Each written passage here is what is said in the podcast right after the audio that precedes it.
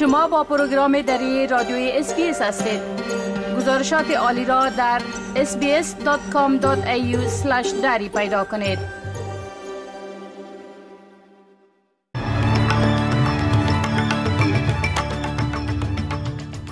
با عرض سلام مصاحب شکیب شما را به شنیدن مهمترین اخبار امروز نهم ماه سپتامبر سال 2023 دعوت می. زلزله در مراکش باعث مرگ حداقل 296 نفر و ویرانی گسترده در آن کشور شده است. در جریان سفر صدر اعظم استرالیا به فیلیپین یک موافقتنامه همکاری استراتژیک بین دو کشور امضا شده است. سازمان هیومن رایتس واچ می گوید که طالبان باید به خاطر ارتکاب به جنایت علیه بشریت به عدالت کشانده شوند.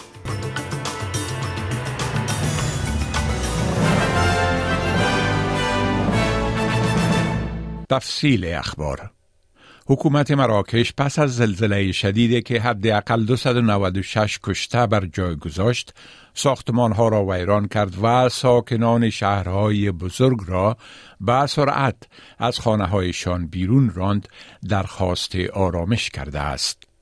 مرکز جیوفیزیک مراکش می‌گوید که این زلزله در سلسله کوه اطلس بزرگ با شدت 7.2 درجه رکتر رخ داده است در حالی که مرکز زمین شناسی امریکا شدت آن را 6.8 درجه رکتر اعلام کرده است. وزارت داخله می‌گوید که تعداد کشته شدگان و همچنان 153 زخمی گزارش شده تنها تلفات اولیه اند و تلاش ها برای نجات و بازیابی هنوز ادامه دارد. عبدالوافی لفتیت وزیر داخله مراکش در یک کنفرانس مطبوعاتی سخنرانی کرده و گفت که به زودی معلومات بیشتر فراهم خواهد شد. A powerful earthquake of magnitude 7.0 hit with its epicenter in the Hode region, according to preliminary reports as of 2 a.m. local time. The earthquake resulted in the death of 296 people in various provinces, in addition to the injury of another 153 people. They suffered a variety of injuries, and some of them were taken to hospitals. We dispatched a number of security teams and rescue operation to various affected areas. We urge all citizens to stay calm. The Interior Ministry will update the public later. مرد پس از آن که موترک آن را میراند با آبران پیاده و دو وسیله نقلیه دیگر در مرکز مزدهم شهر ملبورن تصادم کرد و یک نفر را کشته و پنج نفر دیگر را مجروح ساخت توقیف شده است. این حادثه به ساعت 6 و 20 دقیقه شام دیروز در سرک بورک رخ داد. سرک بورک دیشب بسته شد اما اکنون پس از اینکه موتر هیوندای سفید را که راننده آن در تصادف کشته شد و یک مازدای SUV خاکستری را که گمان می رود اوبر باشد از صحنه حادثه بیرون کردند دوباره باز شده است افسر پلیس زورکا دانستن می‌گوید که راننده موتر که مردی 26 ساله ساکن ملتن وست است در صحنه دستگیر و توقیف شد. این مرد قبلا با پلیس تعامل داشته است.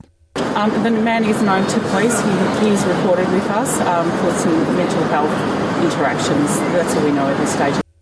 تصاویر ویدیویی صحنه حادثه در شبکه های اجتماعی نشر شده که مرد با موهای سیاه دراز پتلون سفید و پیراهن آستین دراز سفید و پا به رهنه را نشان می دهد که در بالای موتر تویوتای سفیدش نشسته است.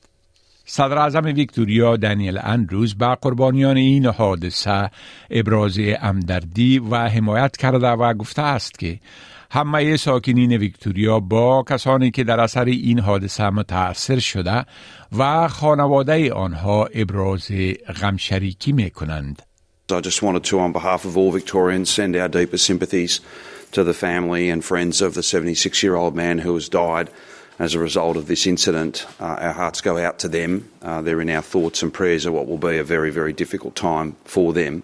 We also wanted to, on behalf of all Victorians, thank those three police members who very quickly uh, and, and, with uh, great bravery uh, did the most important work in terms of securing the scene and taking the suspect into custody. مقامات از هر کسی که شاهد این حادثه بوده یا هر کسی که فیلم کمره دشکم را در اختیار داشته باشد خواستند با مقامات تماس بگیرند.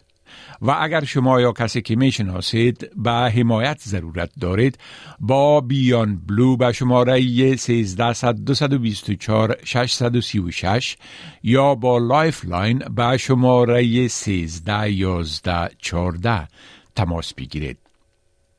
انتونی البنیزی صدر اعظم استرالیا از موافقتنامه همکاری استراتژیک تازه امضا شده بین استرالیا و فیلیپین استقبال کرده است.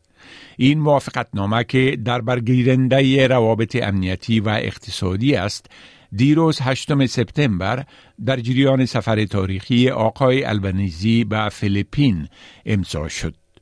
این اولین سفر یک صدر اعظم در 20 سال گذشته به فیلیپین است. آقای البنیزی می گوید که مشتاقانه انتظار دارد از فردیناند مارکوس جونیور رئیس جمهور فیلیپین در استرالیا میزبانی کند. The Philippines is an important country for Australia. I think 20 years is too long for there to be a gap in bilateral visits. I can say uh, that uh, that the president uh, will be making a bilateral visit uh, to Australia. We'll, we'll work on uh, appropriate times as well as he's confirmed his attendance in Melbourne at the, uh, at the G20 meeting. در جریان این بازدید صدر اعظم البنیزی توافقات همکاری در ساحات دیگر اجتماعی و اقتصادی نیز بین استرالیا و فیلیپین امضا شدند. اسناد جدید نشان می دهند که به وزارت امور داخله در وقتی که پیتر داتن رهبری کنونی جناح مخالف در رأس آن قرار داشت هشدار داده شده بود که استفاده از توقیف مهاجرین از جانب یک بررسی مستقل ناکام دانسته شده. اما گزینه های برای کم کردن اتکا بر توقیف مورد اجرا قرار نگرفتند. گزارشی که در دسترس روزنامه گاردین قرار گرفته نشان می دهد که لغو ویزه ها منجر به فرستادن اشخاص زندان دیده خشن به توقیفگاه های مهاجرت می شد و در گزارش هشدار داده شده که این امر ممکن مکلفیت حکومت استرالیا برای مراقبت از توقیف شده های دیگر به شمول پناهجویان را نقص کند. این گزارش در ماه 2020 در وقتی که آقای داتن هنوز وزیر بود تکمیل و با مایکل پوزولو منشی امور داخله و مایکل اوترام کمیشنر نیروی سرحدی استرالیا فرستاده شد که هر دویشان هنوز هم در این سمت ها هستند.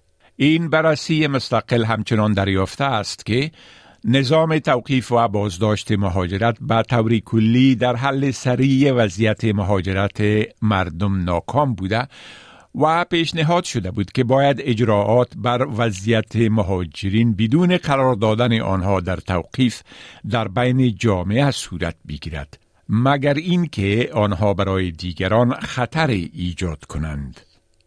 یک سازمان مدافع حقوق بشر به نام Rights Watch می‌گوید که رهبران طالبان باید به خاطر ارتکاب به جنایات علیه بشریت از جانب محکمه جنایی بین المللی محاکمه شوند. این سازمان در گزارش تازهش حکومت طالبان در افغانستان را به ارتکاب جنایت علیه بشریت، آزار و تعقیب جنسیتی علیه زنان و دختران متهم کرده است. سازمان هیومن رایتس واچ در بیانیه گفته که طالبان از زمان گرفتن قدرت در افغانستان در ماه آگست 2021 قوانین و سیاست های را وضع کرده که هدفشان محروم کردن زنان و دختران از حقوق اساسی به دلیل جنسیتشان می باشد. در بیانیه گفته شده که طبق اساسنامه محکمه جنایی بین المللی که آزار و تعقیب به دلیل مشخصات جنسی یا ساختارها و میارهای اجتماعی را جرم می داند رهبران مسئول طالبان باید به دست عدالت سپرده شوند. سازمان هیومن رایتس واچ می‌گوید که تحقیقاتش در مورد افغانستان از سال 2021 نشان می دهد که جنایات علیه بشریت آزار و تعقیب زنان و دختران از طریق احکام مختلف کتبی یا اعلام شده ارتکاب یافتند. کوریای شمالی می‌گوید که اولین تحت البحری تهاجمی هستوی تکتیکی خود را به کار انداخته و به گزمه در آبهای بین شبه جزیره کوریا و ژاپن معمور ساخته است. کیم جونگ اون رهبر کوریای شمالی می‌گوید این تحت البحری به تلاش های او برای ساختن یک نیروی بحری مجهز به سلاح هستوی به خاطر مقابله با ایالات متحده امریکا و متحدین آسیاییش بسیار مهم است. سیت سیلر افسر متقاعد استخباراتی ایالات متحده می گوید که این دلیل برای دست برداشتن از تحریم ها و فشارهای بین المللی یا صرفا پذیرش این که خانواده حاکم کیم اکنون یک قدرت دارای سلاح هستوی است شده نمی تواند.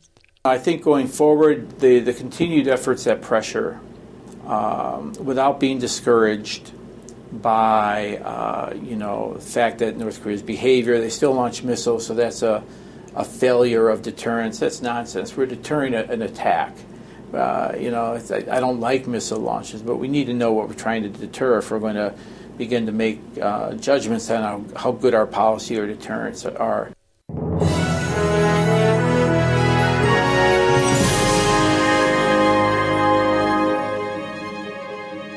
حال اخبار ورزش ارزش دلار استرالیایی در برابر اسعار جهان و وضع هوا برای فردا دور مسابقات نهایی فوتبال استرالیایی یا AFL اینک آغاز شدند.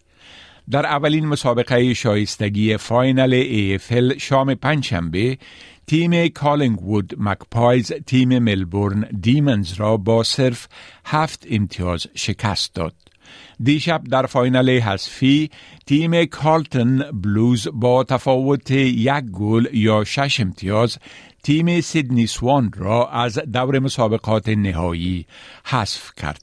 امروز تیم های St Kilda Saints و GWS Giants در مسابقه final حذفی بعد از ظهر امروز و تیم های Brisbane Lions و Port Adelaide شام امروز مسابقه می کنند. قرار است مسابقه grand final AFL بعد از ظهر شنبه سی سپتامبر بین تیم هایی که در دور شایستگی برنده می شوند در استودیوم MCG در ملبورن برگزار شود. ارزش یک دلار استرالیایی در بازارهای تبادله اسعار معادل تقریبا 47 افغانی 64 سنت امریکایی 60 سنت یورو و 51 پنس بریتانوی می باشد. و حال پیشگویی هوا در شهرهای عمده استرالیا برای فردا. ملبورن ابرالود 16 درجه سانتیگراد سیدنی آفتابی 19 درجه سانتیگراد کمبرا اکثرا آفتابی 16 درجه سانتیگراد برزبن نیمه ابری 22 درجه سانتیگراد ادلید آفتابی 20 درجه سانتیگراد پرت نیمه ابری 22 درجه سانتیگراد هوبارت کم بارش 15 درجه سانتیگراد و داروین اکثرا آفتابی 36 درجه سانتیگراد این بود تازه ترین اخبار از پروگرام دری رادیوی SBS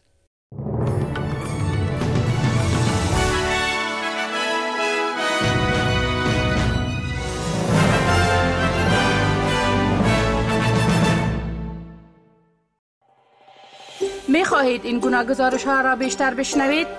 با این گزارشات از طریق Apple Podcasts، Google Podcasts، Spotify و یا هر جایی که پادکاستتان را می گیرید گوش دهید.